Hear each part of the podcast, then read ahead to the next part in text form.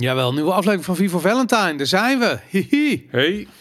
Iemand, eigenlijk niet iemand, Ruben, die zei Ja. vorige week...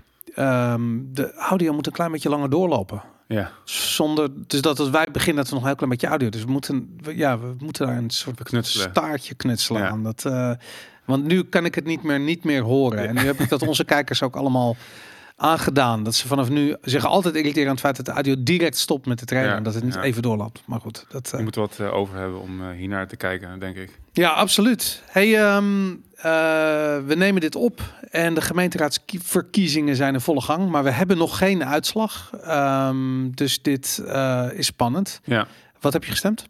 Ik heb nog niet gestemd. ik weet ook niet of ik ga stemmen eigenlijk. Nee, nee, de Libertaire Partij doet ook nergens mee. Nee, Nee. nee. We hebben, ik heb sowieso bedacht dat ik even een eh, jaar eh, eh, geen politieke activiteiten wilde ondernemen. Misschien los van de podcast uiteraard.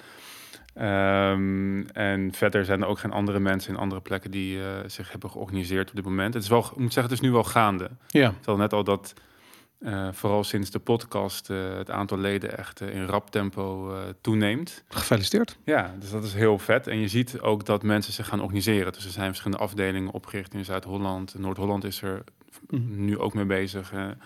zeg maar op provinci- provinciaal niveau, omdat we volgend jaar ook de provinciale verkiezingen hebben. Ja, Maar we groeien langzaam richting de duizend leden. En dat is nog in, echt in de geschiedenis van de LP sinds oprichting nog nooit voorgekomen. Dus dat Ja. is...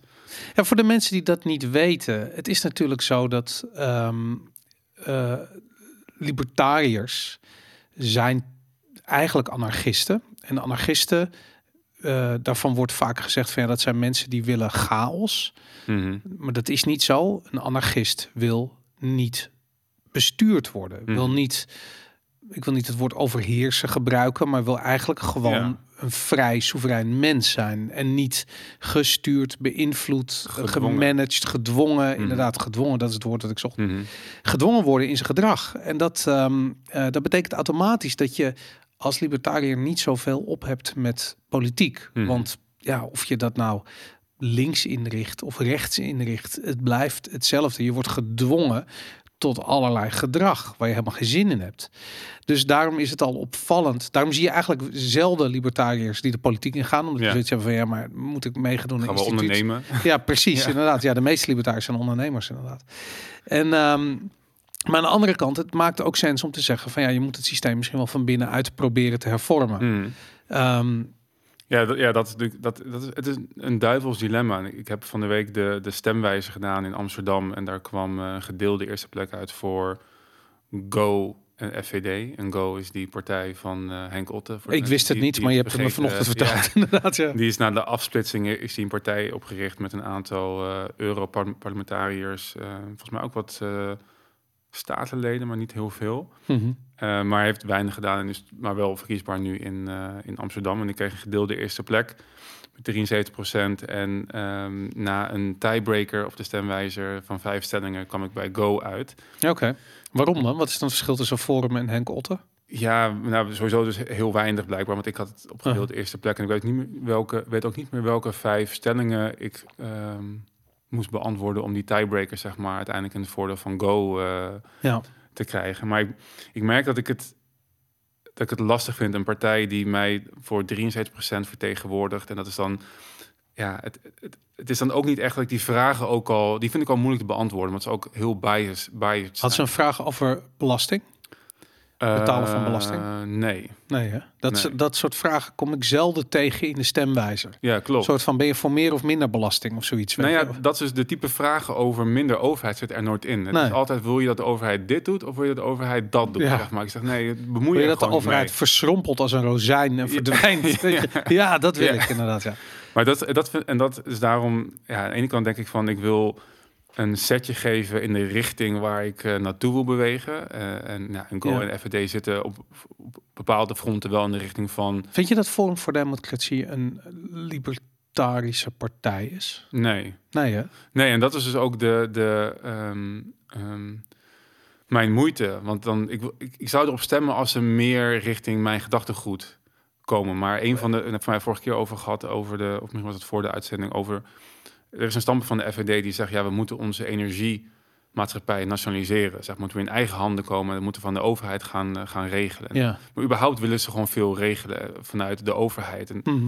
klassiek is dat, dat links zegt, die, die wil ehm, je economische zaken reguleren en je persoonlijke zaken vrijlaten. En rechts wil je persoonlijke zaken reguleren en je economische zaken vrijlaten. Dus Ja. Er is niet iemand die beide zaken zegt van doe maar niet Ja. in, in de Tweede Kamer of, of in de, eh, bij de gemeenteraadsverkiezingen. En dat, ja, dat zit me gewoon niet lekker. Nee. Ik, ik wil daar, ik weet niet, ik, ik heb nog tot tien uur vanavond de tijd, maar ik weet, niet, ik denk niet, ik weet het niet of ik het ga doen. Nou, ik, ik, ik woon in een dorp en daarin is eigenlijk, eh, je hebt alleen de grote partijen daar en nog de lokale Jostie band die ook een partij heeft. ik heb daar maar op gestemd, weet je. Ik heb zoiets van, eh, fuck it, maar alles, alles beter dan, die, dan de grote partijen bij wijze van spreken. Ehm, ik heb altijd, omdat, kijk, door die hele corona shit had ik wel heel erg, ik heb wel heel veel sympathie ontwikkeld voor bijvoorbeeld iemand als Gideon van Meijer. Mm. Weet je, die vol passie, eh, eh, de, de, de, onzin en de totalitaire waanzin van het kabinet Rutte eh, te lijf gaat. Dan denk ik van ja, dat support ik echt, hoe die Mhm. dat doet. En dan kom je vervolgens standpunten van Forum tegen dat ik denk van... Jammer, weet je. Het is gewoon jammer. En het is niet hun schuld. Ze zijn gewoon geen libertaire partij. Mhm. En dat, ehm, ja, daar daarvan heb ik dan echt zoiets van, ja, die, die overheid ziet zichzelf toch echt als oplossing. En Mhm. iedereen die daar aan meewerkt of die in dat systeem zit. Ik heb die documentaire van, ik weet niet of je die gezien hebt, van Gideon van Meijeren gezien. Die Nee. stond ook op Blackbox en Rumble en weet ik het. En ehm, vreemd genoeg maakt hij het hele corona-onderwerp daarmee politiek. Terwijl ik echt zoiets had van de oplossing van dat bespreken is het apolitiek maken. Mhm. Want dan pas zie je wat de totalitaire machtsgreep hier gepleegd is. Mhm. Ehm, maar goed, hij maakt het politiek en daardoor wordt het heel erg een, forum slash Gideon eh, documentaire. En wordt corona zijn zoektocht naar waarheid. Terwijl ik zoiets heb van ja, het is als verhaal eh, vertelvorm heel leuk, maar politiek gezien. Ja, ik weet, het is gewoon een, een, een, campagne eh, docu, weet je. Ik bedoel, het is gewoon reclame. Ja, en dat, dat stoort me dus ook. ehm, en ik, heb, ik snap het wel wel, want ik heb er zelf denk ook aan meegedaan ten tijde van de verkiezingen met de LP. Want je gaat toch op zoek naar het, ehm, ehm, het geaccepteerde, het enigszins geaccepteerde standpunt. Wat je denkt dat veel mensen zal trekken, maar niet je eigen waarde, zeg maar, eh, verwatert. Het- ja, ik weet niet, ik, ik ben er steeds meer van overtuigd dat dat gewoon niet kan. En dat het ook belangrijk is om te beseffen dat de oplossing contra-politiek is. Ik zat ik Ja. had van de week, ik weet niet waarom, ik kwam op jouw Twitter terecht en ik zat naar je headline te kijken en er stond counter-economics. Ja, ja, Ik ja. weet niet of dat, heb je dat van Walter Kankin, dat hele algoritme-idee? Of is het... Ja, volgens mij wel, ja. Ja, Ja, het komt vaak terug. ja, maar dat, maar dat idee van. ehm, dus ik ging het nog een keer opzoeken van wat nou het idee van Walter Kanking was. eh, een, liberta een libertariër die schrijft over algoritme en zegt dat je eigenlijk de beste manier om de overheid en het systeem wat ze hebben opgebouwd, zeg maar, af te breken, is door een grijze of zwarte markt ernaast op te zetten. En dat groter te maken dan wat de overheid eh, heeft, Ja. heeft gemaakt. En dat is het algoritme waar we het wel vaker over hebben gehad. En ik denk dus dat het idee van, van politiek is de boosdoener, is het probleem. Dus wij moeten contra-politiek zijn.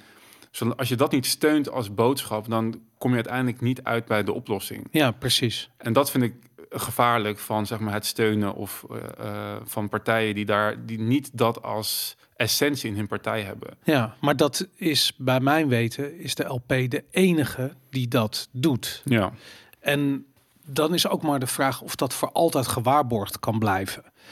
Eh, want het is zo voor de hand dat op het moment dat iets groot wordt, dat er iemand opstaat, de Mhm. macht grijpt Ja. en eh ermee vandoor gaat. Eh, dat hebben we bij bijvoorbeeld bij VVD gezien, weet je, waar Rutte opeens een soort van, ik zag een poster voorbij komen waarin hij zichzelf, of de VVD noemt zichzelf groen rechts. Ik was van, wat de fuck is er Hmm. mis met jullie, weet je, een liegende, liegende premier twaalf jaar lang die met alle winden mee waren en het dondert niet als het maar pro-EU is en pro-NAVO ja. en de volgende baan van Rutte veilig stelt. En ehm, dat gelieg, eh, eh, ik begrijp dat dat inherent is aan politiek. Weet Ja. je? Want je, ja, liegen is de makkelijkste weg. Mhm. Weet je? Het is heel erg moeilijk om iedereen te overtuigen. Mhm. Dus is het makkelijk om met iedereen mee te lullen. En dat is Mhm. wat Rutte doet. Want het is niet een sterke leider. Integendeel, het zijn juist die hele slappe ehm, ja, meelullers die gewoon ver komen in Den Haag. Omdat dat is blijkbaar het spelletje wat gespeeld wordt.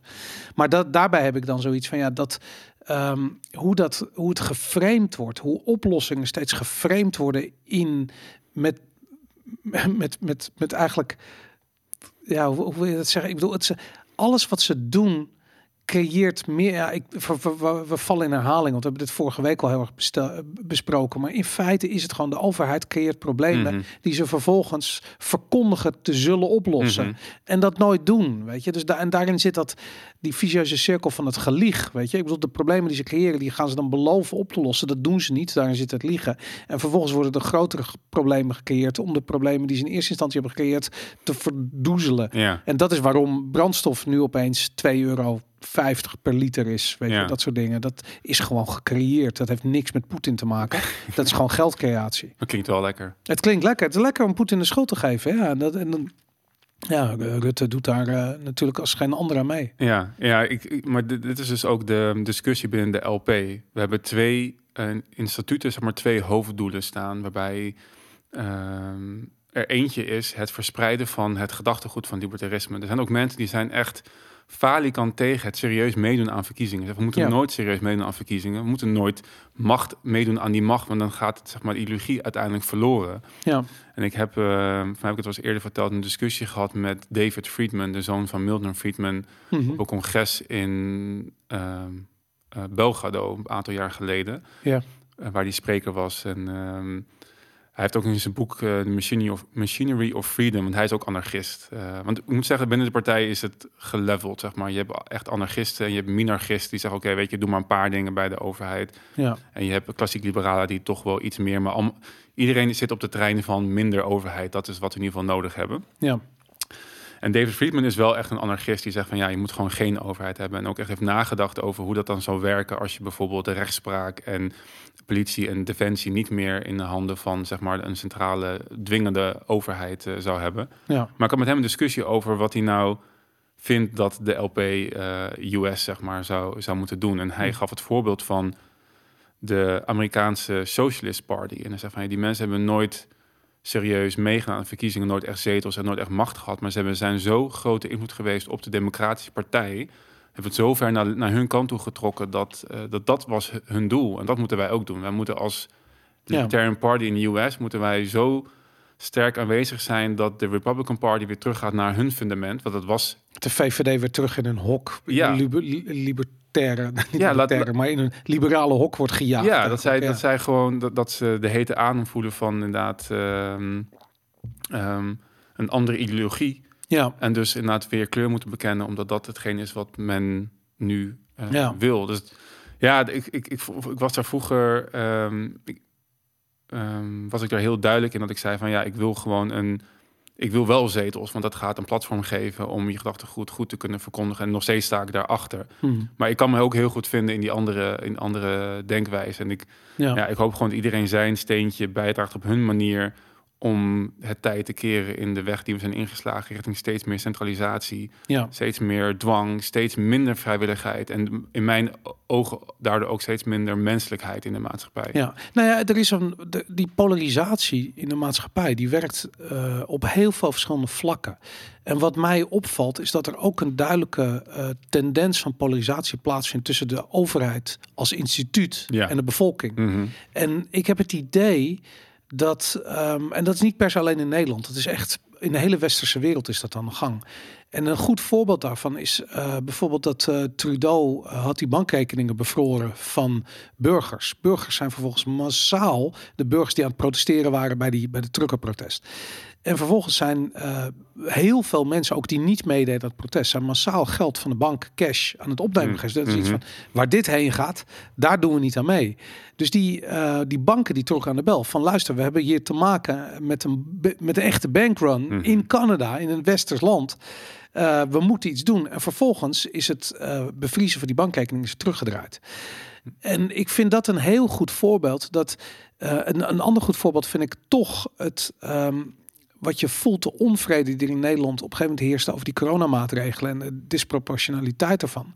En dat je, dat je toen op dat ogenblik ook misschien met die gemeenteraadsverkiezingen eh, op de achtergrond die eraan zaten te komen, dat toch heel veel van die maatregelen zijn afgeschaft. En tuurlijk, erg zou je kunnen zeggen van ja, misschien is het onderdeel van een, van een, van een wat grotere timeline waarin het straks allemaal weer terugkomt of in een andere vorm terugkomt of weet ik wat.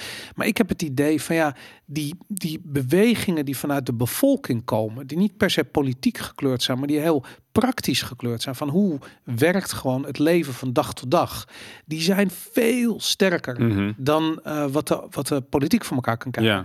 En één goed, fantastisch voorbeeld van afgelopen week. Waarin je ziet hoe de overheid eigenlijk niet goed weet hoe ze hiermee om moeten gaan. Is eh, het, het, het vrijkomen van die, van die documenten uit het WOP-verzoek. Ehm, eh, ik moet eventjes eh, Maries de Hond props geven. Want die heeft een fantastisch overzicht gemaakt op zijn website hiervan. Ehm, ik ga hem er even bij halen. Want, ehm, even kijken. Oh, ik had hem openstaan en nou is hij weg natuurlijk. Zou je altijd zien. Ehm, wat hij deed is, eh, hij geeft in ieder geval die twee, Het die ging- twee onderzoekers te. ja, die Wout, Wouter uh, Aukema, Aukema. Ja, Wouter. En eh, eh, hoe heet het? Eh, Mark eh, van der Vecht, eh, die natuurlijk op Twitter ijzersterk is. En dan hebben we nog als laatste eh Kees. Hoe heet hij precies? Even kijken, Kees. Kees, Kees, Kees, 72 heet hij op. Twitter. en ehm, volgens mij heb ik hem ook in die podcast van Marianne Zwagerman een keertje eh, voorbij horen komen. Ehm, wat er gebeurd is, is dat eh, onder Mark Rutte en ehm, ja, we weten helaas niet precies hoe dit dan in Den Haag in elkaar is gefietst. Maar er is een eh, nieuwe, ehm, nieuwe afdeling in het leven eh, geroepen. En ehm, ik moet even de juiste. De Land Information Manoeuvre Center. Die is opgericht op 3 december 2019. Ehm, dat is een onderdeel van de landmacht. En dat, die afdeling heeft, die, die mensen hebben de, eh, de taak gekregen om, ehm, ehm, ja, hoe zal ik het zeggen? Om, om, Om, om de- onwelwillige ja, standpunten van de bevolking betreft maar corona in de eigenlijk gaten om- houden. Ja, en om, om het inderdaad het publieke debat eh, richting te geven. En als mensen inderdaad een andere mening op nahielden, werden ze actief ontmoedigd om dat te doen. Ja. En we kennen natuurlijk Flavio, die door Blackbo van Mhm. Blackbox, die eh, eh, opgebeld werd door een of andere politieagent of een wijkagent, of weet ik wel wat. Dat was heel super lullig. Maar eh, het feit dat de landmacht zich bezighoudt met controle van burgers, Mhm, dat is zo ontzettend fucking ver mhm. buiten alles wat redelijk is. Mhm. Dat is echt insane. En En, wettelijk. wettelijk gezien ook. Ja. Maar goed, dat wettelijk gezien zijn we afgelopen twee jaar al helemaal. eh, van het padje af. weet je, inderdaad, dat gaat helemaal nergens meer over wat er allemaal gebeurd is. En ja, ik denk dat, dat. dat vind ik trouwens ook wel een, een, een, punt. Want ik zat het te lezen vanmorgen over eh, dat Maurice Hons ook zegt van ja, het gaat alle, alle perken te buiten. Het is echt wettelijk gezien worden, worden, wordt heel veel eh, wetten worden overtreden daardoor. Ja, Ehm, en ik denk dat dat ook wel een, een, een punt is waarom wetgeving niet werkt. Zeg maar, wetgeving richting burgers werkt niet. Weet je, ik bedoel, ehm, eh, drugs zijn verboden, maar ja, je kan iedereen wel gewoon... gebruikt drugs. Ja, Ja, dus dat, is, dat heeft Ja. geen nut. Zeg maar, een, een, een decreet van een of andere gast in een eh, parlement eh, doet niet, zeg maar, lost het probleem niet op. mondkapjes. Ja, eh, Niemand draagt ze meer. Nee, en hetzelfde geldt nu voor eigenlijk andersom. Richting de overheid kan je zoveel re- leefregels opstellen. Ja, Ze, ze houden er, to- ze er toch niet aan. nee. Nee, en dat, dat heeft alleen nog een economisch. Eh, economische extensie nodig. Dus daarom ben ik zo fan van bijvoorbeeld een decentraal systeem als Bitcoin, omdat het automatisch Mhm. is niet te reguleren. We hebben dat ook gezien afgelopen week. eh, de EU eh, had, er was een voorstel om proof of work mining, wat eigenlijk het, het mining algoritme achter Bitcoin, om dat op een of andere manier te verbieden. Weet je, je kunt niet iets verbieden wat je niet kon, kunt controleren. Mhm. Dat is heel erg lastig. En het, omdat de overheid zo'n totalitaire rol is gaan spelen in ons leven, zijn we er allemaal maar van uitgegaan dat de overheid alles kan. Weet je, maar je kunt niet iets verbieden wat je niet kan controleren. En dat is zelf ook. Ja, precies. Ja, nee, maar ze weten dat ook van zichzelf. Mhm. Weet je, dus dan krijg je dus automatisch van dit soort rare, ehm, ja, inlichtingendiensten, want dat, dat is namelijk een grijs gebied. En dan krijg je dus dit soort shit, ver- verklikkers en mensen die dan, ja weet je, dan, dan weet ik van, heb ik een café, dan moet ik jouw QR-code controleren, waarom dat de overheid het zelf niet kan. Dus dan, dan moet je burgers maar opzetten tegen elkaar. En ik denk van, ja, als mensen zien hoe krankzinnig dat is en dat dit alleen maar uit onmacht gebeurt, dan worden ze wakker om zoiets van, hey, fuck it, ik ga echt geen QR-codes controleren. Maar mensen zijn zo in slaap gewiegd de afgelopen, eigenlijk na, tot vanaf na de Tweede Wereldoorlog. Mhm. dat, dat de overheid het beste met je voor heeft en eh, er is om je te helpen en, en, en om ons veilig te houden. En al die onzin die helemaal niet waar is, maar waar je gewoon mee wordt volgegoten vanaf de lagere school. Ehm, die ook- mensen moeten wakker worden. Ja, het is echt bizar. Ik vind, ik vind het bizar dat dit bericht, zeg maar, niet... Het is geen ophef. Nee, omdat, omdat kranten en, en, en weet ik veel, op één en zo, die gaan ze hun vingers hier niet aan branden. Nee, maar Defensie houdt gewoon hun eigen burgers in de gaten. En het, Ja. en het is, het, dat is al ongrondwettelijk. En vervolgens hebben ze in hun eigen protocollen eh, dus, eh, ook, ook de M- eh, MIVD en IVD, die, die lopen elke keer op het, op het lijntje. Ja, Ze, het begint met het in de gaten houden van het narratief rondom corona. Ik had laatst ook, niet over gehad, maar ik had een tijdje geleden een, eh, een tweet van Marianne Zwageman gedeeld. En dat ook van een dashboard waar zij in voorkwam, ja, waar Kamerleden in voorkwamen, ja. die door de overheid in de gaten werden gehouden. ge- eh, gehouden. Hoe bizar. Het is super, ja, het is een tweede, het is een journalisten, zeg maar, die moeten de macht controleren. Het gaat om Kamerleden die de macht moeten controleren. Die worden nu gecontroleerd door de macht. ja. En het feit dat hier geen ophef over is, dat, ja, dat is heel zorgwekkend. Want als het publiek niet in opstand komt, dan blijft dit dus gewoon zo. Maar het, dat vind ik zo interessant. Dat politici roepen vaak op van oké, we moeten eh, ons met elkaar organiseren. Dat is eigenlijk de enige stok die ze hebben om mee te slaan. Omdat ze, ze, ze pretenderen grote groepen mensen te vertegenwoordigen. En als die mensen boos worden en in opstand komen, dan puntje, puntje, puntje. Het ding is, ze vertegenwoordigen helemaal niemand meer. Ze vertegenwoordigen, en, en ik denk eerlijk gezegd, dat is het enige wat Rutte echt goed snapt. Dat hij vertegenwoordigt niet meer zijn kiezers, hij vertegenwoordigt geld en financiële belangen Mhm. vanuit EU. eh, eh, en dan heb je van die NGO of, of, of denkclubjes, Mhm. filosofieclubjes zoals de World Economic Forum. Eh, waar natuurlijk ook de hele bankensector in zit. En de, en, de, en de Silicon Valley en weet ik veel. En dat is waar hij voor werkt. Dat is wie die vertegenwoordigt. Want dat, is, dat zijn daarom ook de mensen die nu de macht hebben. Maar het idee dat, je, dat een politicus in staat is om mensen op straat te krijgen. Ik weet het niet. De laatste keer dat ik het gezien heb was Pim Fortuyn. Mhm. Toen hij werd neergeknald waren mensen echt kwaad. En zag je dat, ik vooral in Rotterdam natuurlijk, waar die woonde, maar sowieso de heel Nederland waren echt de demonstraties ter plekke. En ik denk eerlijk gezegd dat, eh, ehm, ja, dat, dat, dat, dat, dat hangt nog wel in de lucht. Maar er zijn nagenoeg geen politici die dat meer teweeg kunnen brengen. Forum uitgesloten of eh, uitgezonderd. Want ik denk dat zij wel die taal van het volk spreken. En daarom heb ik ook het idee van hun succes zit hem erin dat ze ehm, misschien wel degelijk een boodschap, een anti-overheidsboodschap verkondigen. En dat is ook waar ik, waarom ik zoveel sympathie voor ze heb Mhm. omdat ze dat op een hele bevlogen, onderbouwde manier doen. Zij zijn de enigen die dit zo meteen aan de kaak stellen. Mhm. Eh, verder niemand niet, weet je. Nou, dat betekent dat, wat mij betreft, alle andere Tweede Kamerleden eh, ehm, eh, irrelevant zijn. Als ze namelijk niet doen wat ze moeten doen, en dat is de regering controleren, donder dan maar op, weet je. Dan, dan zit je daar 133.000 euro in je zak te steken en voor helemaal niks. Dit, ik bedoel, dit is de, de regering breekt de wet. Mhm. Treed op, grijp in. Weet je? Mhm. Een politie die voor een agent die voor zijn neus een misdaad ziet gebeuren, niks doet, is een waardeloze agent. Mhm. Een Tweede Kamerlid die dit voor zijn neus ziet gebeuren en niks doet, is een waardeloze politicus en een waardeloos eh, eh, eh, lid van ons parlement. Dus wegwezen. En ik vind eerlijk gezegd, ja, ik- we gaan het zien. Ik bedoel, dit artikel op Maurice is vandaag gepubliceerd. Die rel, of die WOP-documenten zijn afgelopen week uitgekomen. Ik verwacht dat Follow the Money er iets mee gaat doen. Dat lijkt me over het algemeen de partij die nog in staat is, of het tenminste journalistieke partij die in staat is om een beetje onafhankelijk te zijn. Misschien wordt het daarna opgevolgd door wat mainstream artikeltjes, maar ik verwacht er niet te veel van.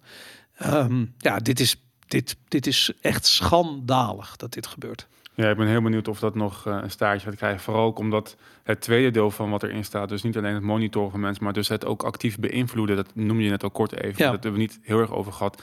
Dus ze zijn ook actief, de overheid is actief de mening van het volk aan het beïnvloeden middels van trollen en gewoon online aanwezigheid Ja. op, op, op En druk op, fora. op, op dissidenten. Als En druk op dissidenten. Ja, dat is, Ja. ja. dus dat ik, ja, ik weet niet. Ik vind het, eh, ik vind het bizar. Ik vind het echt bizar. En ik, eh, het is, nou, dit is van vanmorgen, maar dat bericht, dat stuurde jij van mij het weekend al door, eh, dat die WOP-verzoeken uitkwamen ergens. Ja, dus dat, dat is al wat ouder.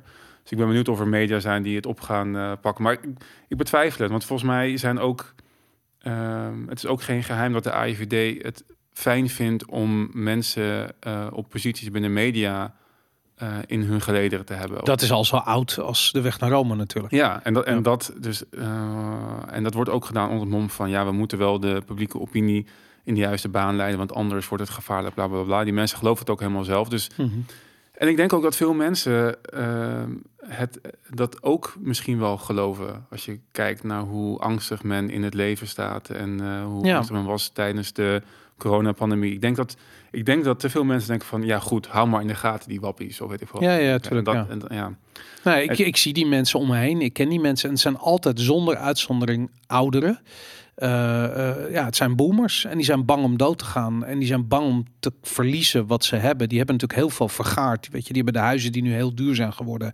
Weet je, die hebben een goed pensioen in tegenstelling. En waar jongeren helemaal niks meer kunnen. Dus ja, dan, dan wordt het heet onder je voeten. Dus dan ga je misschien ook wel stemmen op partijen die, die een soort van veiligheid bieden. Ook al is het een krankzinnige vorm van veiligheid.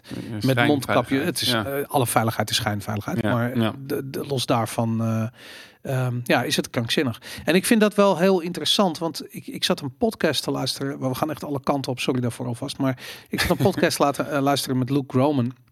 Hij heeft er een aantal gedaan afgelopen weken. Eigenlijk over zijn het gaat over Rusland en het gaat over de, de oorlog in Oekraïne, maar het gaat met name over de achtergronden daarvan.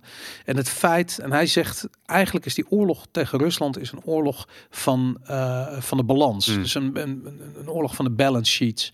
En hij zegt van ja, de, dat, dat de, dat de eh, dollar-hegemonie op instorten staat, ehm, dat weten we nou wel. Maar wat je nu gaat zien is die, die inflatie van de dollar. En kijk, de euro doet er een stuk minder toe dan de dollar. Weet je, alle, alle energie wordt afgerekend in dollars. Dus stel je voor dat je een gigantische hoeveelheid olie in de grond hebt. Weet je, dat moet je eruit pompen. Dat moet je dan in een vat doen. Dat moet je raffinade- naar raffinaderij brengen, weet ik veel.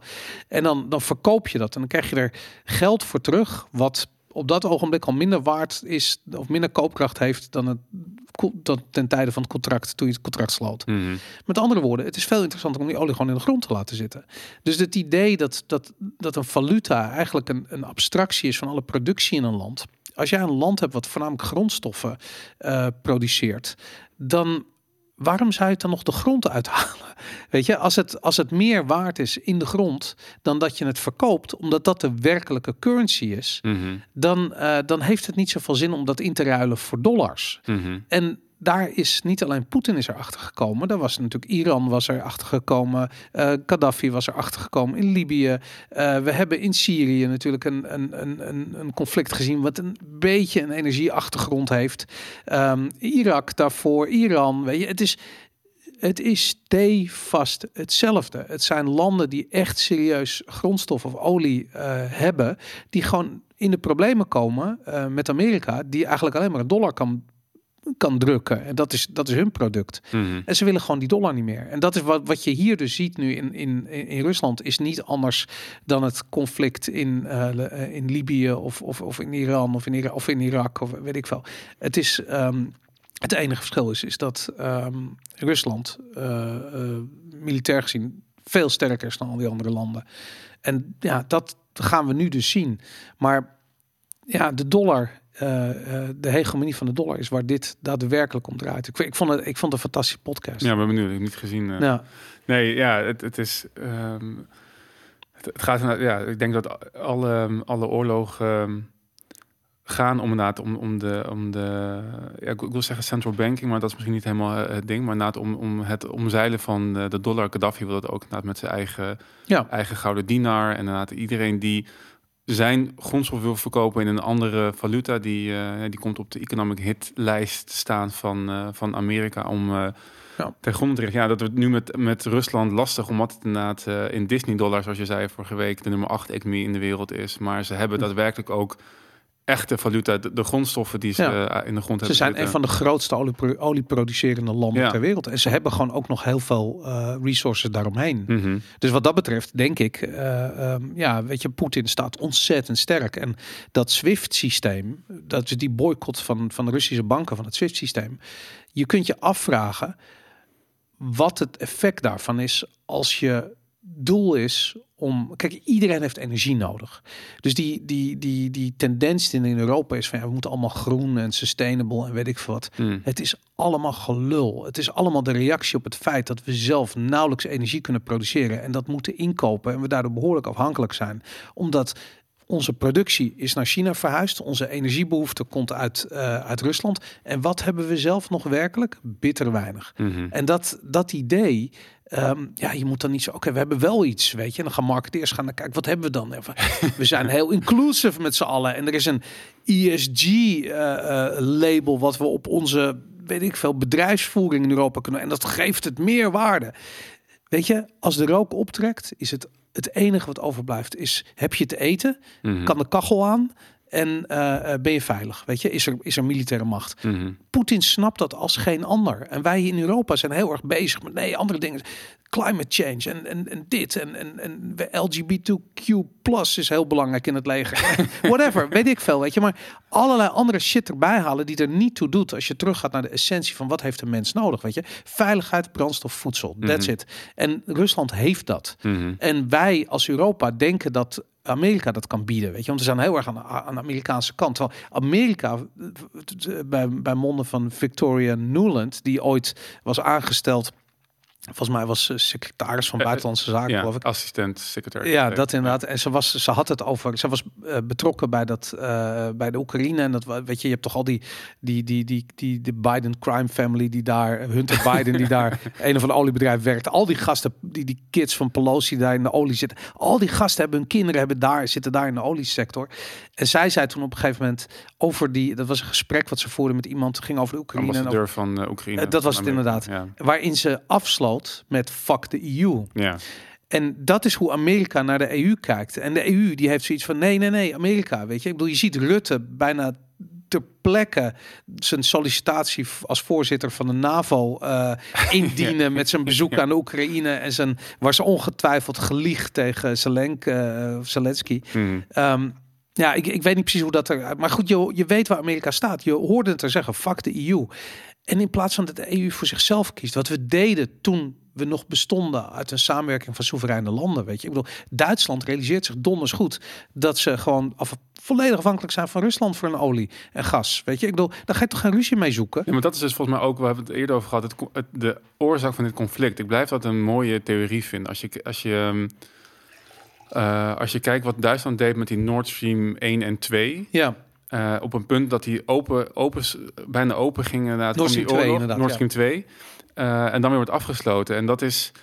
ehm, ja, hij, is, hij is nooit open geweest. Hij is nog niet nee, gecertificeerd. nee Dat klopt. Hij, hij was af, maar was inderdaad de bureaucratische hoepels waren niet helemaal doorlopen. Dus mocht nog niet, eh, nog niet open. En ik denk echt dat dat wel een ding is. Want ik denk dat Amerika inderdaad scheid heeft aan de EU. Ja, eh, maar niet wil dat de EU dichter tegen Rusland aangaat eh, eh, Ja. gaat, gaat zitten. Terwijl Rusland dat wel naar de EU doet. Wilde lid van de EU worden. Wilde lid van de NAVO worden. Zoekt toenadering.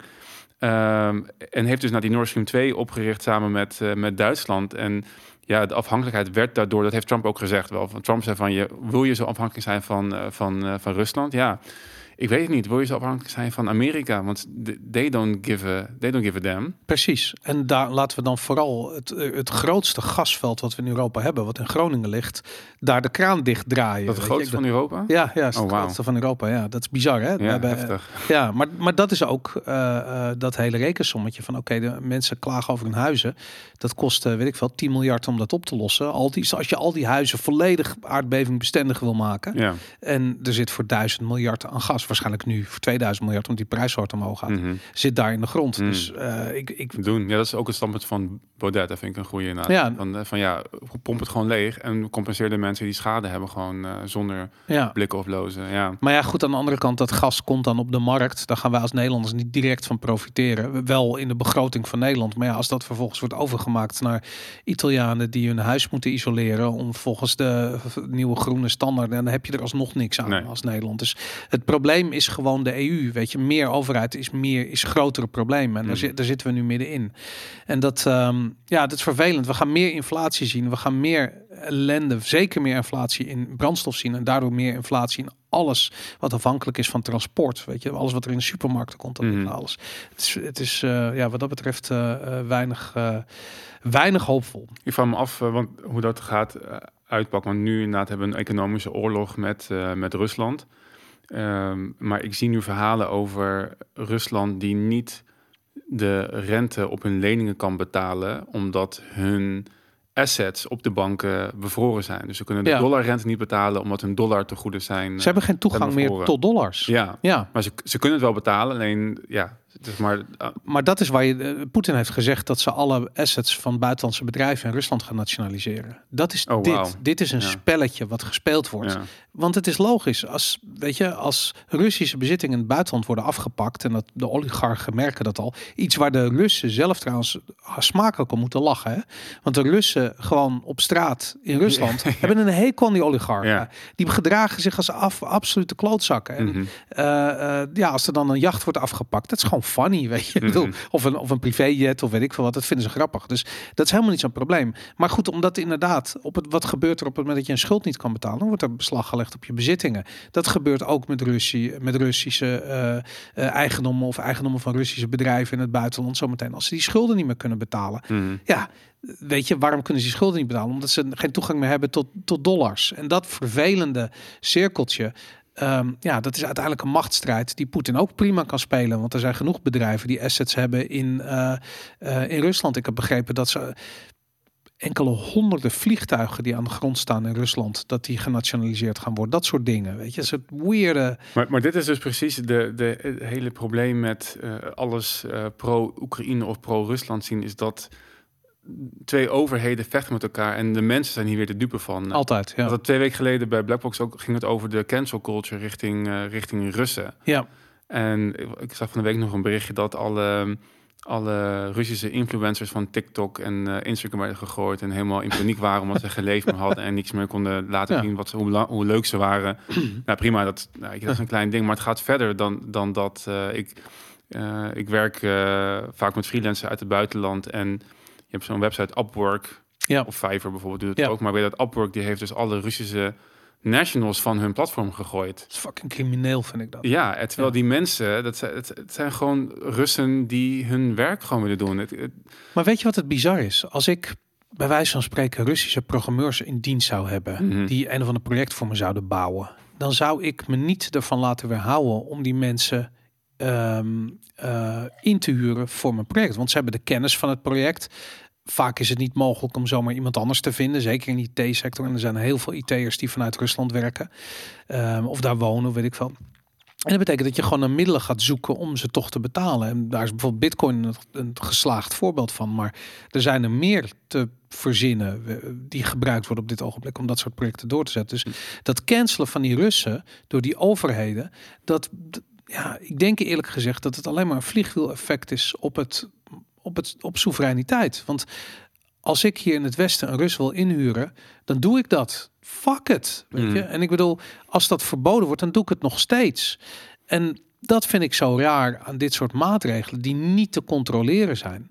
Ehm, ja, weet je, het, het, het, de, de elementen die wel te controleren zijn, worden vervolgens onbruikbaar.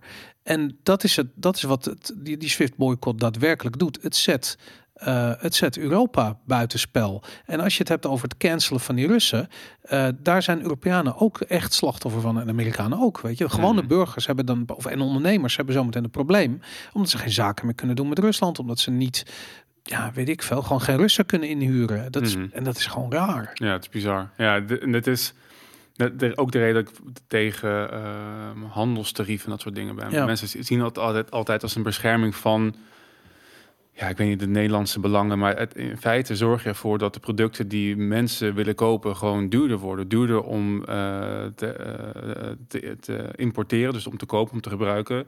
Maar het wordt voor de andere partij ook duurder om jouw product af te nemen. Dus je, je zet minder af. Dus er is, Ja. het is altijd een verliezer. En daarom, ja, goed, dat is nu ons, ehm, ons credo. Haal de overheid eh, tussen die transactie uit overal en laat het gewoon tussen individuen en bedrijven en entiteiten zelf af, eh, afspelen. Maar Ja. ja. het is lastig. Dat, eh, goed, jij was dus inderdaad eh, bij Blackbox. Ja. Ehm, je kreeg veel kijkersvragen over het basisinkomen. Ja, we hebben het er eerder over gehad. En, en, en we hebben Ja. natuurlijk bij de LP een... eh, Onze, onze allereerste podcast die we nog voor de Bitcoin Show deden, volgens mij. ja, zo elkaar ging het ook over gehad. Hebben we het over basisinkomen Ja. gehad. Ja. En dat was omdat we ehm, bij de LP een standpunt hebben gecoind. Dat heette het voorwaardelijke basisinkomen. En het was, nou goed, dat was dus ook bedoeld omdat basisinkomen een, een ding is wat een beetje opkomt. En wij zijn in principe voor een tussenoplossing. Dat heet de negatieve inkomstenbelasting. Dat is Oké. een idee van Milton Friedman. Mhm. En die zegt van ja, je moet geen, ehm, je moet geen hulp van overheidswegen hebben. Ja. Je moet geen sociale zekerheid hebben. Geen Dat- subsidie. nee, niks. Mhm. Als je er dan toch van kiest, voor wat voor reden ook, om het wel te doen, Mhm. dan is de enige acceptabele vorm is een negatieve inkomstenbelasting. Waarom dat wel dan? Nou, het, het- omdat is het, dat geen subsidie? het is wel een subsidie. Kijk, dus de eerste, ehm, hij zegt liever niet, maar als je het wel doet, dan is deze vorm de enige manier waarop je het zou moeten doen, omdat je ehm, zo min mogelijk eh, restricties hebt op, ehm, zeg maar, je, je kan nooit een toeslagenverre krijgen. Want er Ja. zit, zitten geen ambtenaren aan de knoppen die kunnen zeggen van, jij mag het wel, jij mag het niet. Je hebt gewoon op basis van inkomen eh, krijg jij een toeslag, net zoals je nu een huurto- huurtoeslag krijgt. Mhm. Eh, het werkt zo dat. ehm, het werkt zo op een manier dat jij, als jij meer gaat verdienen en meer gaat werken, je niet evenredig wordt gekort. Dus, het, dus meer werken loont. Ja. Ehm, ehm, maar je bent niet, als jij miljonair bent, je hebt heel veel vermogen of verdient heel veel, dan krijg je niet alsnog geld. Wat zeg maar bij voorwaar, onvoorwaardelijk basisinkomen wel het idee is. ja. En ik kreeg daar een discussie, want je hebt natuurlijk. Je, ehm, en ik kreeg ook veel vragen erover, ook omdat we ons dat standpunt zo hebben geformuleerd. Van ja, waar zijn jullie eigenlijk nou wel of niet voor? Ja, in, in de optimale situatie wordt dit niet geregeld via de overheid. Wordt het Mm. geregeld via het bedrijfsleven, via kerken, via gemeenschappen, via verenigingen, Inkomen stichtingen. Ehm, inkomensondersteuning. Hoe wordt dat door bedrijven geregeld dan? Nou ja, je kan, je kan als, als een bedrijf kan jij een verzekering voor jouw werknemers afsluiten. Oh, op die manier, als ze ziek zijn. Of als ze ziek zijn. Ja, of dus, eh, want daar gaat het om. Het gaat natuurlijk om alle dingen die de overheid zo'n beetje doet, gaat om het aanvullen van inkomen als je dat niet hebt voor wat voor reden dan ook. Ziekte, arbeidsongeschiktheid, eh, tijdelijke werkloosheid, Inflatie. inflatie, inflatie Ja. niet willen werken, weet ik veel. Dat, Ja. ehm, dat wordt, er zijn allemaal verschillende potjes en loketten voor waar je, waar je inkomen kan Maar aanvullen. waarom, eh, dat klinkt zo raar, dat heb ik je toen ook gevraagd. Waarom zou je je vingers branden aan dit onderwerp? Omdat het, ehm, kijk, ik snap dat het natuurlijk tof is om mensen geld te beloven. Dat snap ik. Maar Ja, dat is ook echt de enige reden. ja, Want als jij gaat, als jij, als wij gaan zeggen, wat ik gedaan heb, zeg maar, toen ik Hm. begon met in de, in de politiek. En ik was nog helemaal eh bleu van hoe dat werkte. En ik was gewoon mijn, mijn eigen idealistische zelf. En ik zei, ik had een discussie ergens in Zuidoost. Mhm. En toen zei hij van, ja, maar wat doe jij dan voor mij? Ik zeg, ja, maar ik ga niks voor je doen. nee, wat doe jij voor jezelf? Ja, ik wil, ik wil dat jij de mogelijkheid krijgt om dingen voor jezelf te doen. Ja. En mensen werden helemaal gek. Mensen werden helemaal gek van, ik, want ik ging je geen geld geven. Ik, ik beloofde dus helemaal niks en dat ging er niet in. Dus ik dacht op een gegeven moment, oké, misschien moeten we een soort van stapsgewijs programma gaan hebben. Maar, misschien, maar ik, ik, ik begrijp je en ik hoor je en ik snap dat als iedereen van jou zegt van ik wil iets hebben Robert, anders ga ik niet op je stemmen. Mhm, Dat is natuurlijk, het, die onderhandelingspositie is logisch. mhm. Kijk, jij wil een stem hebben? Oké, wat doe je voor mij? Ja, Dat is, dat is een hele. En zelfs dat vind ik. Dat vind ik zelfs heel eh, libertarisch, eerlijk gezegd. Weet je, want je, Handel, ja.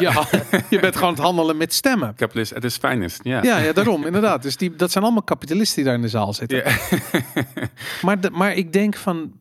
Ik denk dat het probleem is dat het wordt afgemeten direct in wat krijg je als geld. Wat jij hun geeft, is minder overheid. Mhm. En daarin, daar zit een gigantische opportunity. Daar zit, ik bedoel, als jij, als je belastingen minder worden, als je makkelijker handel kunt drijven met je boeren, als je Maar, je, buren. je zegt nu minder belasting. Dus het impliceert dat de belasting blijft. Nee, ik, wat Nee. mij betreft wordt het morgen afgeschaft. Maar, Nee, nee, precies, maar maar als dat- je, ik, ik stel even voor dat je dat gesprek hebt met die, met die mensen in die zaal. Ja. En dat je zegt van luister, wat dacht je ervan als je geen belasting meer zou betalen?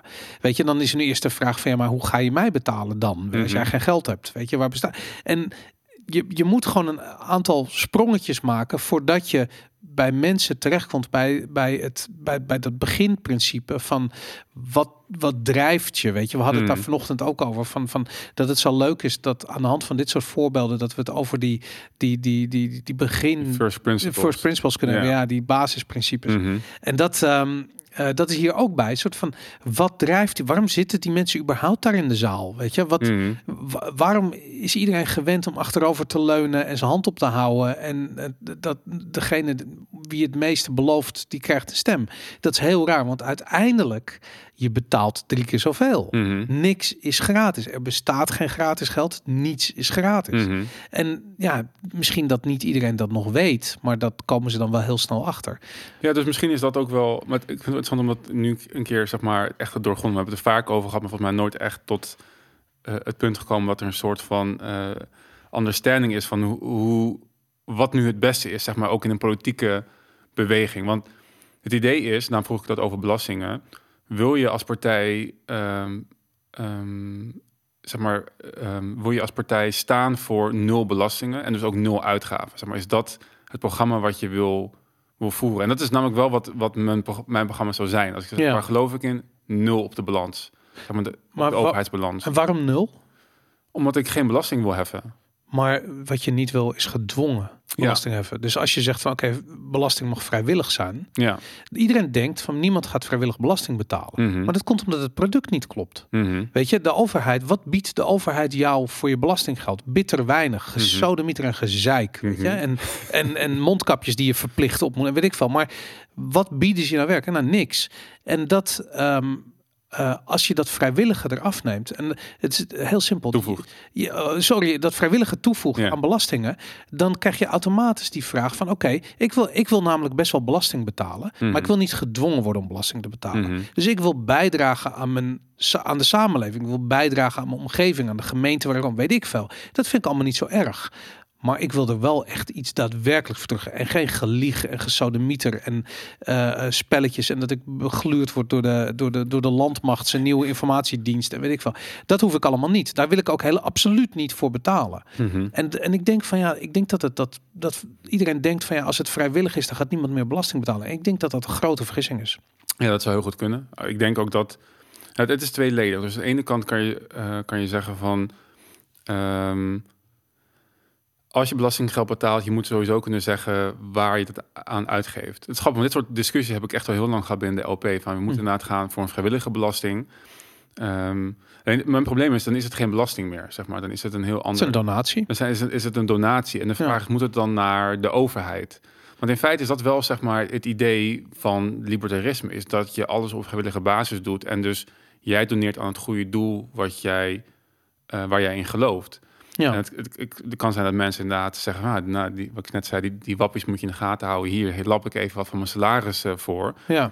En er zijn ook mensen die zeggen van ja, ik- een, een, een voorwaardelijk of basisinkomen, daar wil ik ook wel voor betalen. Dus hier heb je wat geld. Dan kunnen mensen die dat nodig hebben gecompenseerd worden. Dat, Ja. ja, daar, maar- dat, dat vind ik helemaal voor natuurlijk. Ja, maar vroeger, ik, ik weet het niet 100% zeker, maar ik dacht dat bij de Tweede Wereldoorlog, en misschien was het de Eerste Wereldoorlog, had je war bonds. De Britten Mhm. deden dat en Ja. volgens mij de Amerikanen ook. Mhm. Die waren vrijwillig. Mhm. Die hoefde je niet te kopen. Je, Ja. je had gewoon de. En met andere woorden, stel je voor dat, dat de Russen hier eh, eh, bij- Arnhem aan de grens staan.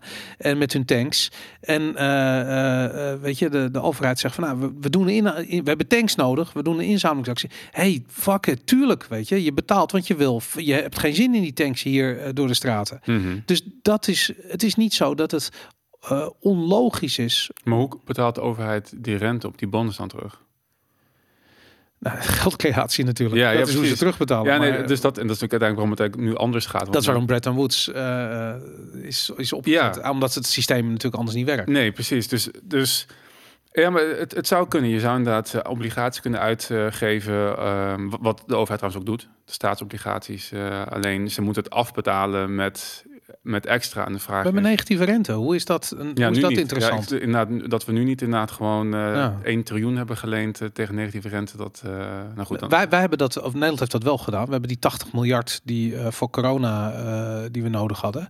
ehm, die is tegen volgens mij negatieve rente geleend. Ja, we, we, le- we lenen wel meer tegen negatieve rente. Maar ik heb zoiets van, doe dan meteen je hele staatsschuld aflossen. Zeg maar. Waarom betalen we nog belasting? Ja. Als geld toch gratis Ja. is, weet je? Omdat het niet gratis is. En maar, maar, maar, maar dat hele ding, hè, dat, dat van wat, hoe, hoe financier je een overheid? Kijk, in de eerste plaats je moet, die, moet die overheid zo klein mogelijk zijn. Hoe krijg je dat voor elkaar door die financiering eruit te halen? Mhm. Dus ze doen het nu zelf door de euro eh, tot een waardeloos wc-papier te reduceren met geldcreatie in, in, in, in, eh, vanuit de ECB.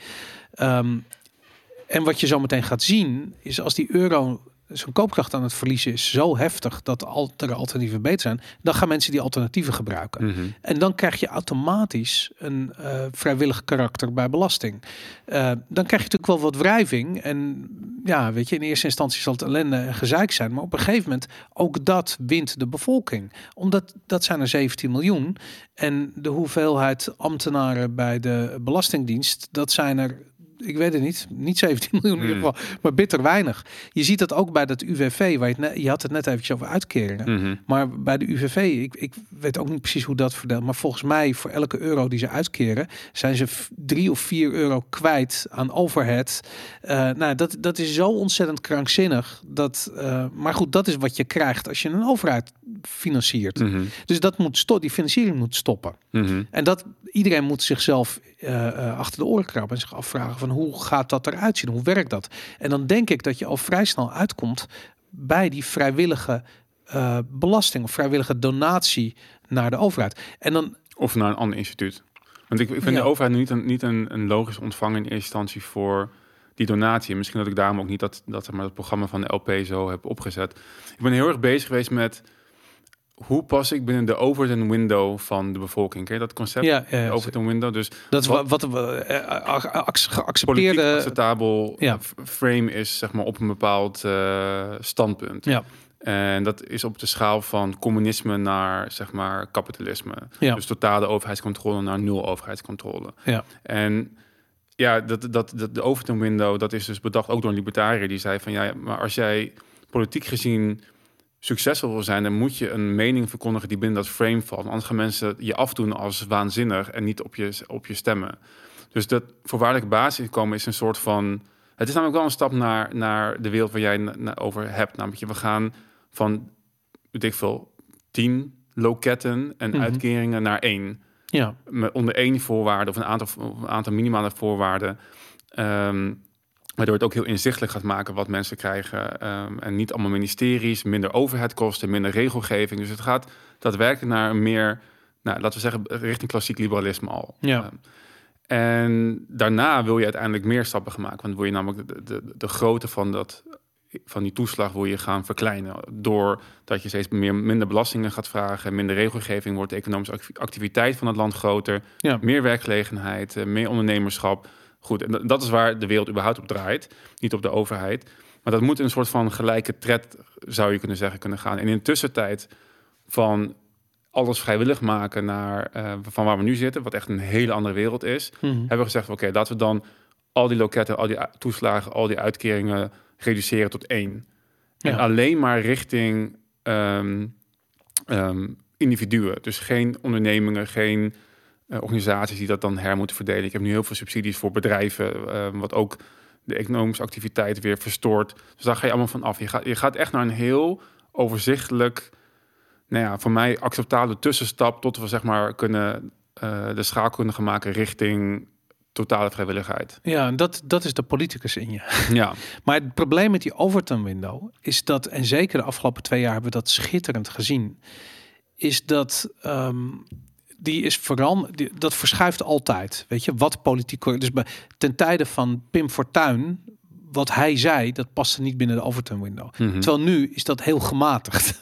Weet je, ik bedoel, dat, dat, dat, dat verschuift. Mhm. Net als dat twee jaar geleden zeggen dat je geen vaccin wilde voor corona of een jaar geleden, weet ik veel. Dat paste niet binnen de Overton window. En nu zeggen dat je geen booster wil, is Ja. eigenlijk gemeen goed geworden. Ja. Dus dat verschuift. Ja, eens. En, en eh, dat van wat acceptabel is van die overheid, uh, window, dat wordt eigenlijk door, gecreëerd door media. Mhm. En ehm, daarin zie je dus niet die gigantische polarisatie. Dat als je kijkt naar de alternatieve mediakanalen, die praten over oplossingen en problemen die niet besproken worden in de reguliere media. Mhm. Dus als jouw Overton window ligt bij de alternatieve media en, en dat wereldbeeld, dan, dan kun je, ik bedoel, ik kan een krant niet eens meer zien, weet je. Ik wil nog niet eens in de kattenbak leggen, bij wijze van spreken. Maar als jij elke dag de Volkskrant en het NRC leest, dan, eh, dan is je Overton window is daadwerkelijk anders. Mhm. En de- het grappige is dus dat van ja, jij probeert mensen mee te krijgen in dat, in dat, in dat libertarische gedachtegoed. Dat is lastig, maar het is ook onmogelijk vanuit hun huidige wereldbeeld. Mhm. Je moet echt helemaal terug naar die first principles. Mhm. Helemaal gaan terugdenken over de basis van wat drijft de mens. En dan gaan redeneren van oké, maar wat is überhaupt een overheid? Waarom moeten we ons op die manier organiseren? Wat is, Mhm. het, wat is het? Wat voegen ze toe? En ja, om heel eerlijk te zijn, die, die, die, zodra je eh, die vragen gaat stellen en bijvoorbeeld je, je gaat afvragen wat is geld? Wat is Mhm. geld nou werkelijk? Ik bedoel, je kunt in Nederland serieus een studie economie afronden en die vraag niet gesteld krijgen. Mhm. Wat is geld? En dat is zoiets vreemds, weet je. Dat is zo raar dat mensen dat niet weten. En die halen ook valuta en geld door elkaar. Dat zijn twee concepten die moet je loszien van elkaar. Maar, maar dat, als je dat niet begrijpt, dan heeft het geen zin om in de zaal met mensen eh, eh, te gaan zitten die allemaal met hun ach- armen achterover te en zeggen van ja, wat doe je voor mij? Weet je, ja. Nee, pre- precies. Maar dat is dus ook... eh, ik ben er ook van teruggekomen. En daarom denk ik dat, dat alternatieve media en wat we hier doen... ook meer impact heeft dan een politieke partij. ja. Uiteindelijk ga je hiermee namelijk de, de, de culture of ideas in de samenleving veranderen... waardoor mensen zich anders gaan gedragen en anders gaan stemmen... en inderdaad het Overton window vanzelf verschuift richting datgene wat, je- wat, je, nou, wat we hier verkondigen. ja. En ik denk dat dat, ja, nou dat is. Ik heb zelf ook niet meer de behoefte om zeg maar in dat Overton window te passen. Maar dat was even een, een, een zeg maar een, een intern kijkje in hoe zo'n standpunt uiteindelijk tot. eh tot Maar ik weet komt. hoe je daarbij komt. Omdat dat is, je wordt op het moment dat je bij wijze van spreken in Den Haag of of je nou fysiek bent of niet, maar als je die politiek in wilt en je zet die eerste stap, dan word je gebombardeerd met alle argumenten uit de Overton window. Mhm. Dan gaan mensen tegen je zeggen van ja, maar hoe dacht je dan dit op te lossen en hoe Ja. ga je dan om met rechtspraak en What politie? the roads? Precies, wie gaat er wegen bouwen? Al die, die, die fucking shit. En het, het probleem is dat, dat, of het probleem, wat ik zo mooi vind aan, eh, aan Bitcoin, is dat daar heb ik dat vanaf het moment dat ik daar eh, voor het eerst over hoorde, heb ik dat zien gebeuren. Dat iedereen zei van ja, maar dit gaat verboden worden, of dit kan nooit werken, of dit mag al niet. Omdat het hele concept past niet binnen alles. Of eigenlijk binnen het denkraam wat wij hebben Mhm. over geld. Mhm. En vervolgens ga je nadenken. De, de enige manier om het op te lossen is na te denken over wat is geld dan? Wat moet geld zijn? Hoe werkt dat? Weet je, wat, wat voor eigenschappen moet geld hebben? En ja, weet je, dan kom je uiteindelijk bij een, bij een scenario uit waarin Bitcoin wel werkt en waarin de maatschappij er wezenlijk anders uitziet. En dat heb jij ook. Weet je, dat is dat politieke Overton eh, gaat veranderen. Dat is eigenlijk non-stop aan het veranderen. Mhm. Maar dat gaat nu, nu gaat het heel hard. Mhm. En daarom is het ook zo, is de wereld ook zo gepolariseerd. Omdat mensen heel staccaat op één manier naar de wereld kijken. En zeggen van ja, maar dat zijn wappies en die zijn gestoord. Of dat zijn Russen en die, die worden door Poetin betaald. En die moeten allemaal dood en whatever. En aan de andere kant heb je mensen die zeggen van nee, nee, nee, nee, wacht even. Er is meer aan de hand. Het is Mm. genuanceerder. En het zit zo in. de- En ja, als dat verhaal niet past in die Overton window, dan krijg je rare situaties. Mhm. weet je. En je ziet het met forumdiscussies in de Tweede Kamer, waar het over de vorm gaat en niet meer over de inhoud. Mhm. Waarom? Omdat het, dat, we hebben het over die Overton window. En eh, een voorbeeld wat ik je wou geven over die Overton window is dat toen ik begon met eh, mijn eerste baan was eh, websites bouwen. Mhm. En dat was in een tijd, je had daar geen opleiding voor, niks van. En ik had leren programmeren, programmeren en ik kon dat een beetje. En ehm, eh, dan had je gewoon, ja, het was gewoon te nieuw, weet je. En dan zag je ook een soort van mediapartijen en uitgevers, want dat deed ik ook. Ik schreef voor bladen en werkte voor, voor VNU onder andere. En eh, ik maakte content en die uitgevers hadden zoiets van, ja, maar je kunt geen geld verdienen online. Dat werkt niet. Mhm. En toen kwam de banner op een gegeven moment. En toen gingen ze er een beetje mee over. Want ja, dan kon je bereiken en kliks en wha- whatever.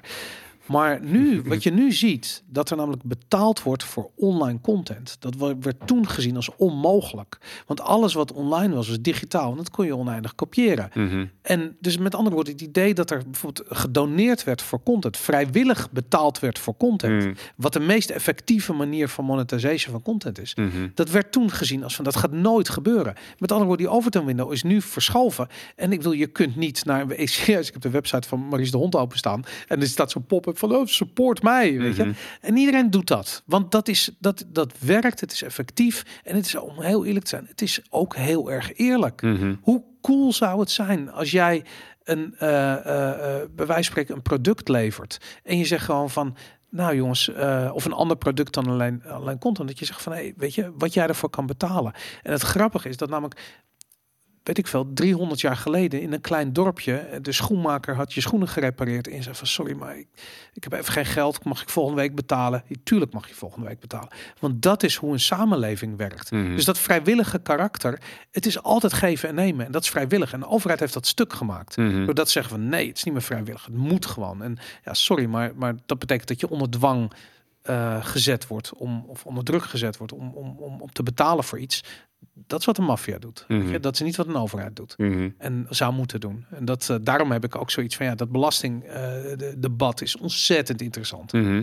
Nee, ik, ik, ik, ben ook, ik ben ook afgestapt van het idee van in dat Overton window stappen, maar mede ook omdat, ehm, ja, mede omdat door deze podcast, zeg maar, omdat dat denk ik een heel groot effect heeft op hoe men naar de overheid en belastingen en die first principles gaat kijken, überhaupt daar weer over na gaat, eh, Ja. gaat denken. En ik vind het grappig, je zegt inderdaad over die het niet aanzien komen van, van eigenlijk die disruptors in, eh, in, eh, in de samenleving. Ik zat ik was van de week nieuwsgierig naar de kijkcijfers eh, van, van de televisiezenders. En ik weet van jou dat sowieso al onzin is wat daar wordt verkondigd. Maar Ja. wat ze verkondigen is al onzin. Zeg maar. Als je kijkt naar de hoeveelheid kijkcijfers in een maand tijd op een Ja. RTL 8 of zo, dan is dat echt, echt komt niet, on- niet boven de 200.000 uit. Ja.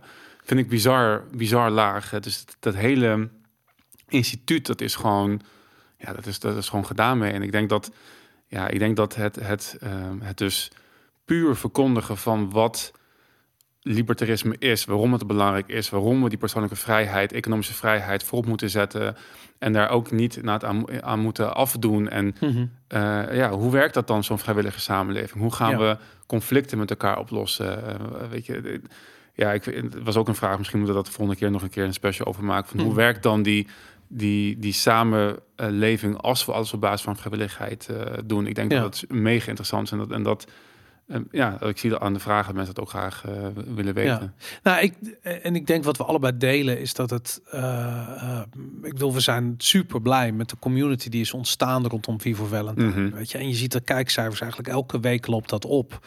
En dat zijn mensen die beginnen na te denken over die basisprincipe. Of dat soms al heel lang doen hoor. En daar Mhm. heel goed in zijn. Maar ik zie eh, bijvoorbeeld nog veel eh, reacties. En dat zijn mensen die meer vanuit de socialistische hoek komen. En zoiets hebben van. Die zijn wel anarchisten. Maar, maar, maar het zijn een soort van aan de sociale, aan de socialistische kant zitten ze dan. Ik kreeg laatst een mail van iemand die zei: Hey, kameraad. Ik denk. ik weet niet, eh, wat denk je precies? Ja, inderdaad. Ja. ja. ja, dat is dat, dat, dat. Maar je merkt ook, en dat, dat vind ik interessant, want je ziet ook van bijvoorbeeld de, de SP en, en, en de LP op bepaalde standpunten zijn ze het erg met elkaar eens. Mhm. En- het hoefijzer. Ja, inderdaad. Ja. Ja. Ja, inderdaad, Mhm. dat naar elkaar toe groeit. Maar ik vind dat, dat juist zo tof in die community. En we moeten ook even oproepen. We hebben een Telegram kanaal. Dat heet Sanctuary of Sanity. Eh staat een linkje eh, in de show notes, denk ik. Ja, in de beschrijving. Ja. Tape.me eh, slash Sanctuary of Sanity. Wordt daar lid van. Toevluchtsoord. Oh, toevluchtsoord. Ja. Dus dat tape.me slash toevluchtsoord. Oh, oké, vet. Nou, eh, eh, ehm, ja, kom ons joinen en kom daarin meediscussiëren. Eh je hebt vorige week volgens mij ook eh, audioverslag gedaan van de livestream of daarna, of zo'n audio. Ja, dat was na de, ehm, na de opname hebben we een voice chat gedaan in de Telegram groep met Oké. een aantal mensen om het uit te proberen. Dus dat Vet. willen we vaker gaan doen. Ja, daarom na join die Telegram groep, dat is leuk. Ja, wat dat betreft, ehm, ik, ik, het is zo een groot onderwerp. En het grappige is, en ik denk dat het daarom zo belangrijk is, er zit ontzettend veel hoop in. Mhm. En eh, ik weet niet hoe het met jou zit, maar ik heb de. Ik weet dat we daar misschien net anders in staan, maar ik heb de, de afgelopen twee jaar echt al zwaar ervaren. Mm. Weet je, die, die, de, de, ja, weet je, ik weet dat de rol van de overheid uh, altijd beperkt is, maar hoe uh, de, de burgers die dat vacuüm zijn gaan invullen. Weet je, op het moment dat je naar een uh, sportschool gaat waar je 100 jaar gaat en je moet opeens een, een QR-code laten zien, dan heb ik zoiets van ja, fucking hell. Ik had nooit gedacht dat dat zo snel uh, vorm zou krijgen. En daarin is Rutte echt heel goed geslaagd om die bevolking tegen elkaar op te zetten en mm. elkaar te laten controleren, want een overheid kan dat niet. En ik vind het heel erg hoopvol dat mensen uh, die deze podcast kijken zich realiseren dat de overheid dat nooit zou kunnen. Die kunnen dat niet controleren. iets wat je niet kunt controleren, dat kun je niet reguleren. Je kunt het niet afdwingen en je kunt het niet. Je kunt er eigenlijk niks mee. En de overheid is nu aan aan de grens gekomen van wat ze kunnen mhm. controleren. En ze zijn aan het overreachen. En de natuurlijke reactie daarop is dat er teruggeduwd wordt. En ik denk dat dat behoorlijk disruptief gaat zijn. Dan gaan we echt mhm. hele interessante dingen gaan gebeuren. En misschien ook hele vervelende dingen, dat weet ik niet. Maar um, in ieder geval hele interessante dingen. Dus mhm. ja, ik ben blij dat we daar middenin staan een verslag van kunnen doen met Vivo Valentine. Ja. ja, ja, ik ben. Ja, ik heb het afgelopen, uh, ja, het is nu twee jaar Ehm, ja, ik moet zeggen, ik, ik, heb het, ik ben er eh, denk ik buitengewoon goed doorheen gekomen. Ook omdat ik uh, het me steeds meer eigen maak om niet te houden aan immorele wetgeving. Ja. Als je praat over counter-economics en uh, counter of contra-politiek en contra-economie, dan ben ik me meer senang gaan voelen met het idee van ik doe de dingen die moreel acceptabel zijn en dat wordt is niet per wet betaald. Ja. Dus uh, en ik ben blij dat in mijn omgeving ook veel mensen zijn die dat ook zo doen. Dat ik een sportschool heb gehad die die QR-code niet vroeg en dat ik daar gewoon nog naartoe kon gaan en ja en dat ik ja, maar ook dat ik ja dat ik dat ik me er gewoon niet aan hou. En dat voelt nu als een um, soort, ja, ik weet niet, een soort van verrijking. Dat ik nu weet van, ja, maar ik heb als mens de morele plicht om moreel juist te handelen. En niet me aan ja. de wetgeving te houden van immorele overheid. Ik denk dat dat... Ja. En ik zie heel veel mensen die inderdaad, die ergens zijn uitgekomen door, door een proces zijn gegaan van... De overheid is niet per se het instituut wat het beste bij me voor heeft. Of in ieder geval, ook, en ook als het wel pretenderen, uh, dat dat niet de juiste uitwerking heeft. En ik zie inderdaad dat mensen steeds meer tot dat besef komen en zeggen we moeten toch weer met elkaar gaan doen. Ik ben zelf verantwoordelijk. Ja. Eh, samen met de mensen om me heen. En ik hoef dat niet van bovenaf opgelegd te krijgen. En ik denk dat dat heel positief is. En ik denk dat, wat je zegt, ik weet niet waar het naartoe gaat en hoeveel er nog gaat komen. Er, gaan, er staat nog sowieso nog veel te gebeuren gezien de economische staat van, uh, van, van Nederland en de rest van de wereld. Maar ik denk dat, uh, ik denk dat het een positieve trend is. Ja. En, dat en, ste en naar steeds meer vrijheid toe gaan. Top. Nou, ik denk dat dat een mooie, mooie noot is om mee af te sluiten. Dit was uh, Vivo Valentine. Volg ons ook op Twitter natuurlijk. En uh, in, wat Telegram, wat zei ik? Instagram? Nee, Telegram. Instagram ook, hè? Jij zit op... Uh... Instagram, Facebook, Telegram. Ja. ja, nog af en toe op, op bezig. Um, ja, Rumble. Twitter, GK Boris en Robert... Valentine RW. Valentine RW op Twitter inderdaad. Top, tot volgende week.